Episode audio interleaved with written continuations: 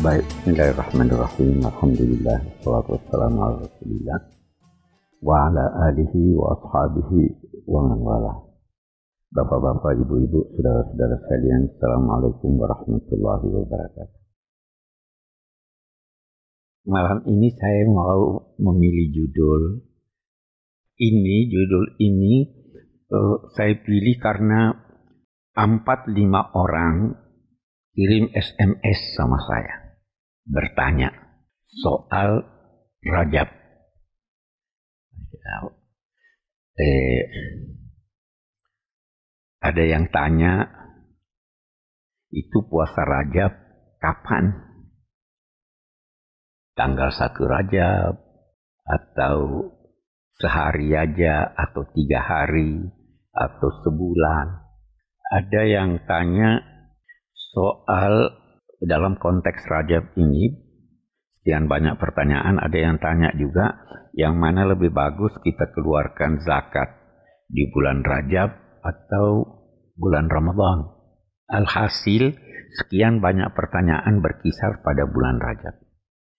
Jadi saya akan bicara soal eh, Rajab. Uh, yang pertama dulu kita mau lihat, kita eh, lihat dari Al-Quran uh, Al-Quran menggarisbawahi bahwa dalam setahun itu ada 12 bulan. Inna iddata syuhuri indallah na asyara syahran. Dari 12 bulan itu menurut Al-Quran ada empat bulan yang dinamainya eh, eh, min hurum haram. Haram itu artinya mulia. Dalam bahasa Indonesia itu hormat yang dihormati. Itu dari akar kata haram. Eh, haram juga artinya terlarang. Sesuatu yang terhormat itu banyak larangan menyangkut dia. Kalau eh, orang terhormat, Anda tidak boleh pakai kaos saja menghadapi dia. Ya, ada larangannya itu. Ya. Pakai sendal jepit, katanya tidak boleh. Ya, karena apa? Karena dia terhormat. Masjid tempat terhormat. Tidak boleh ada jual beli dalam masjid karena bisa bertengkar. Demikian seterusnya. Jadi haram itu sebenarnya asal katanya terhormat. Enam. Masjidil haram. Masjid yang dihormati. Nah, menurut Al-Quran ada empat bulan yang haram. Empat bulan haram itu adalah Muharram, Zulqaidah, Zulhijjah, dan Rajab. Empat bulan Kehormatan bulan-bulan ini sudah diakui atau ditetapkan oleh kaum musyrik sejak dulu. Jadi orang-orang musyrikin juga itu sangat menghormati keempat bulan ini. Sehingga mereka menginginkan agar dalam bulan itu ada kedamaian. Tidak boleh ada perang. Uh, tapi orang-orang musyrik sebelum datangnya Islam ini itu sangat senang berperang. Hidupnya dari perang. Tetapi sebagai manusia itu punya naluri mau damai. Manusia begitu.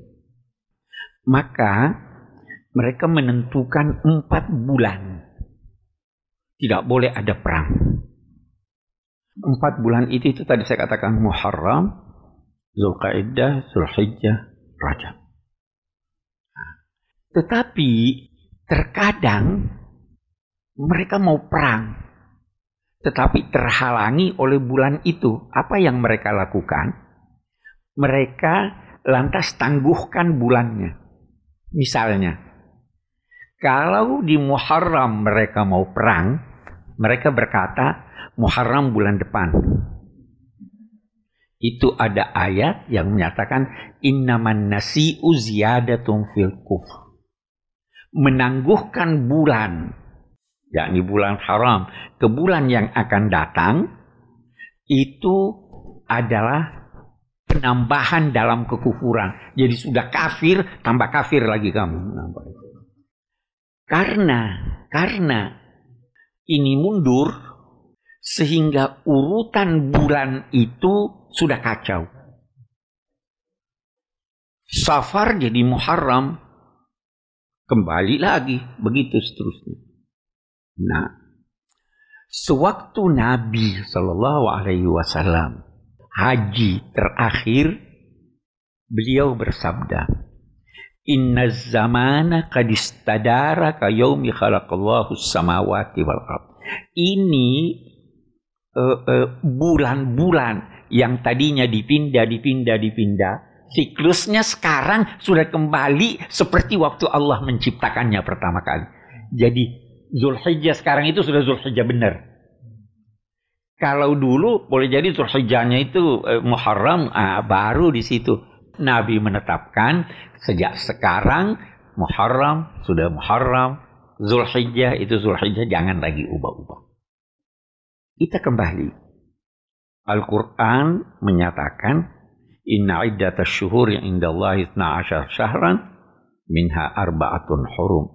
Baru ketika Allah menetapkan itu bahwa sekarang sudah demikian itu halnya ada empat bulan haram, ada pesannya. Fala tazlimu fihinna anfusakum.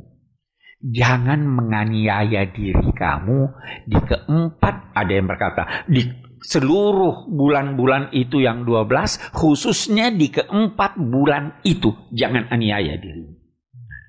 Ulama-ulama berkata menganiaya diri itu ada dua macam.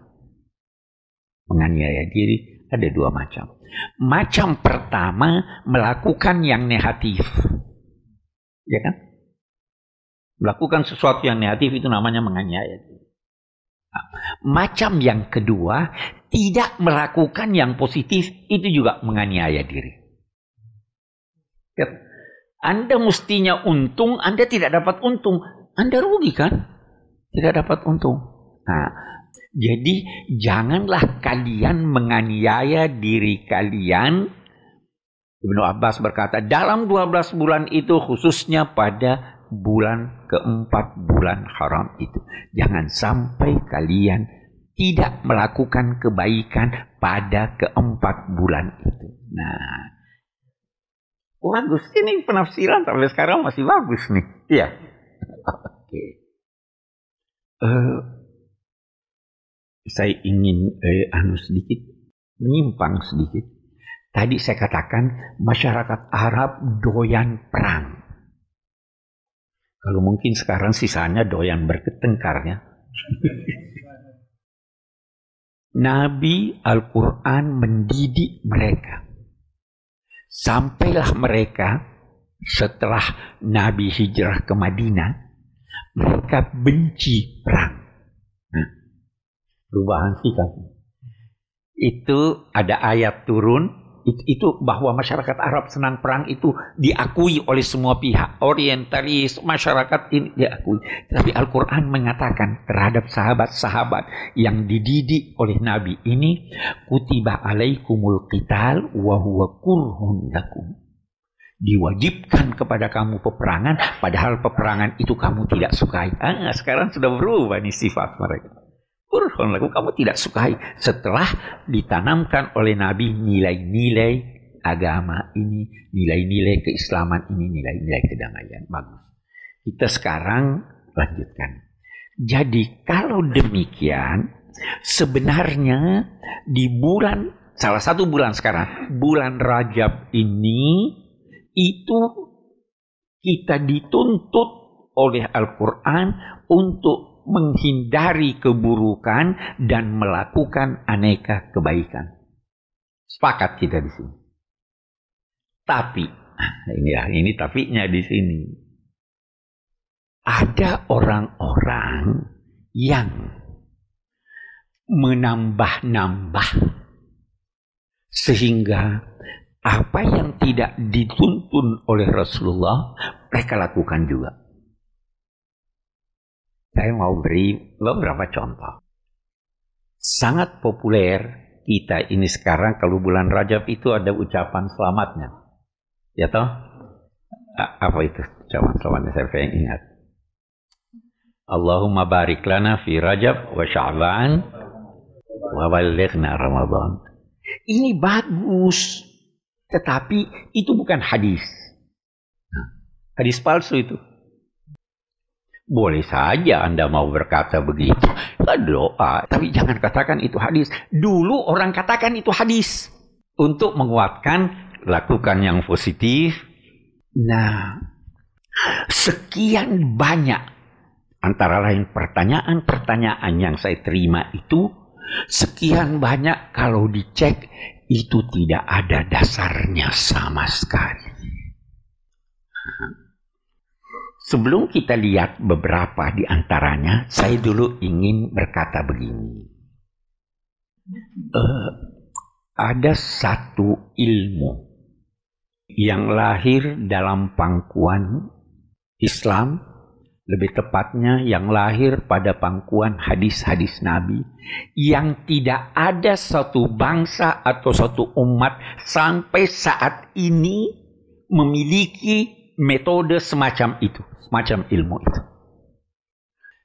Sekarang begini, ilmuwan sampai sekarang kalau mau eh, berkata, kita lihat, eh, Napoleon berkata begini, Plato berkata begini, Jenderal Sudirman berkata begini, ya.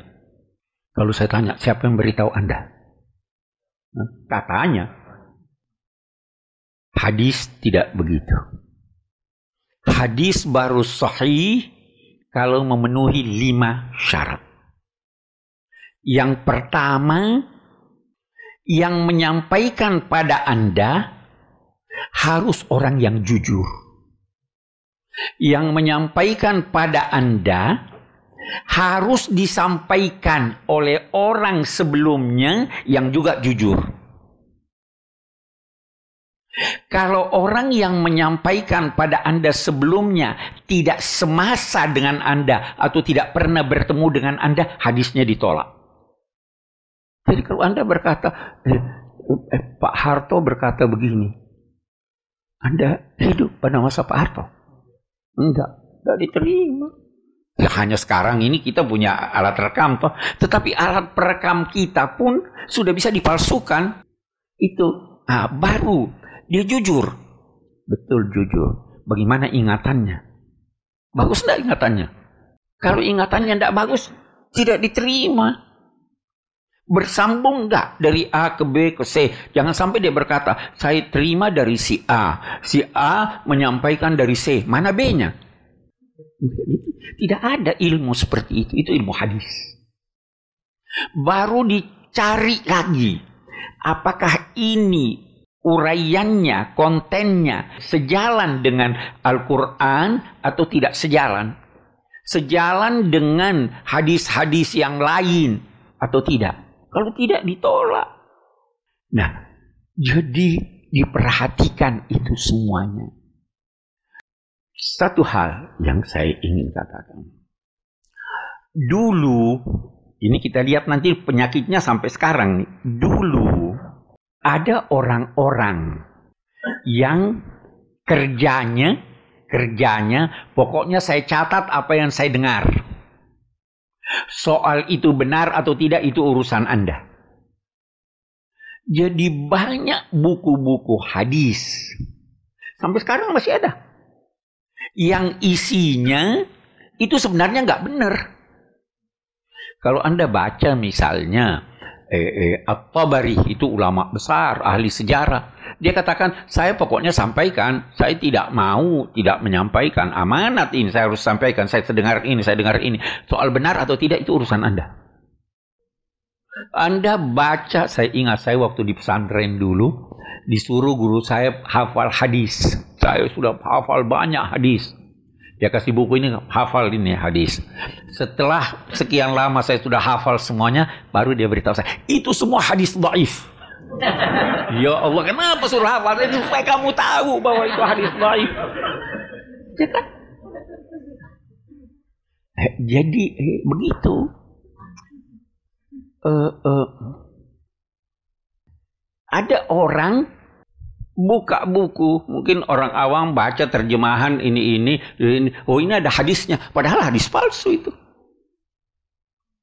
Nah, hadis-hadis ini banyak yang palsukan. Bisa jadi dia memalsukan dengan niat baik, bisa jadi juga dia palsukan dengan niat jahat. Banyak ceritanya itu. Pernah Imam Ahmad ibnu Hambal, ulama besar hadis, punya musnad, punya kitab hadis, tapi di dalamnya banyak yang dhaif. Pernah satu waktu dia ke masjid begitu bersama eh, eh, eh, Yahya bin Ma'in. Dia dengar satu orang berbicara. Dia bilang itu ada nabi pernah bersabda. Saya dengar ini dari Imam Ahmad ibnu Hambal. Dia berkata begini begini dan juga dari Yahya bin Ma'in. Apa itu? Maqala la ilaha illallah khalaqallahu lahu tayran min qaruhu min zahab warishuhu min marjan. Siapa yang berkata la ilaha illallah maka Allah menciptakan buat dia seekor burung paruhnya ya dari emas dan sayapnya dari mutiara-mutiara. Imam Ahmad lihat ya ya eh kamu pernah cerita sama dia? Enggak, saya juga tidak. Akhirnya ini orang cerita 20, dia terus ditanya sama Imam Ahmad, "Benar kamu itu dari Imam Ahmad?" Dia "Iya, Imam Ahmad yang beritahu saya. Saya Imam Ahmad." Terus dia bilang, "Barusan saya lihat ada orang sebodoh kamu kamu kira cuma satu orang yang namanya Ahmad.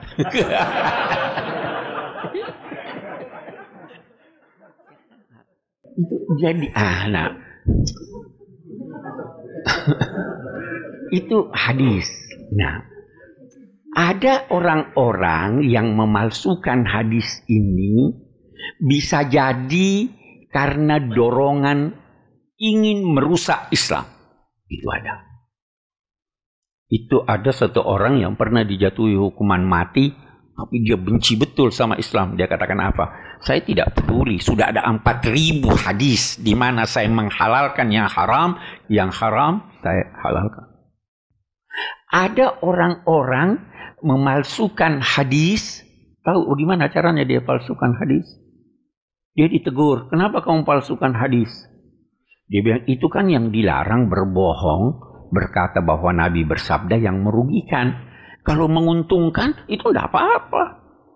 Ya, apa jadinya ini? Ah. Oh, dia bikinlah hadis-hadis apa? Siapa yang baca surah ini dapat rezeki. Itu itu umumnya fadailis suar. Keutamaan surah-surah Al-Qur'an itu sebahagian besar palsu. Tapi itu kan beredar sama kita. Nah, itu banyak ada orang-orang yang fanatik mazhab. Ada hadis. Nabi katanya bersabda begini. Ada satu orang dari umatku namanya Muhammad bin Idris. Adarru ala ummati min iblis. Ada satu orang namanya Muhammad bin Idris. Muhammad bin Idris Asy-Syafi'i. Itu lebih buruk dan lebih berbahaya terhadap umatku dari iblis. Ini orang anu nih Ya kan? Ada lagi yang puji ini, puji itu. Itu fanatik mazhab. Boleh jadi fanatik bangsa. Adalah yang muji-muji orang Persia atau muji-muji orang Arab atau mencela ini, mencela itu. Itu hadis-hadis. Itu harus diteliti dong. Itu ada satu buku. Namanya Tanwirul Miqbas fi Tafsir Ibn Abbas satu buku tebal. Di situ dimuat katanya pendapat-pendapatnya Ibnu Abbas. Untuk apa itu? Nah, ada orang sampai sekarang ada yang begitu. Jadi dia punya ide, kalau dia yang ucapkan orang ragukan. Jadi dia bilang, oh si A bilang, si B bilang. Oh itu kata Imam Syafi'i itu hanya puluhan itu pendapatnya Ibnu Abbas itu yang benar. Lainnya tidak. Nah, jadi saya ingin berkata bahwa ulama-ulama itu menilai setiap hadis ini benar atau tidak benar. Ini eh, sahih atau tidak sahih. Banyak, banyak sekali sebab-sebab yang mendorong orang membuat-buat hadis. Ana hadis-hadis menyangkut rajab ini banyak dibuat oleh orang-orang yang bermaksud baik tetapi bodoh. Dia atas namakanlah Nabi. Itu tadi, saya nggak bohong supaya orang baik, supaya orang ini. Padahal tidak ada benarnya itu sama sekali.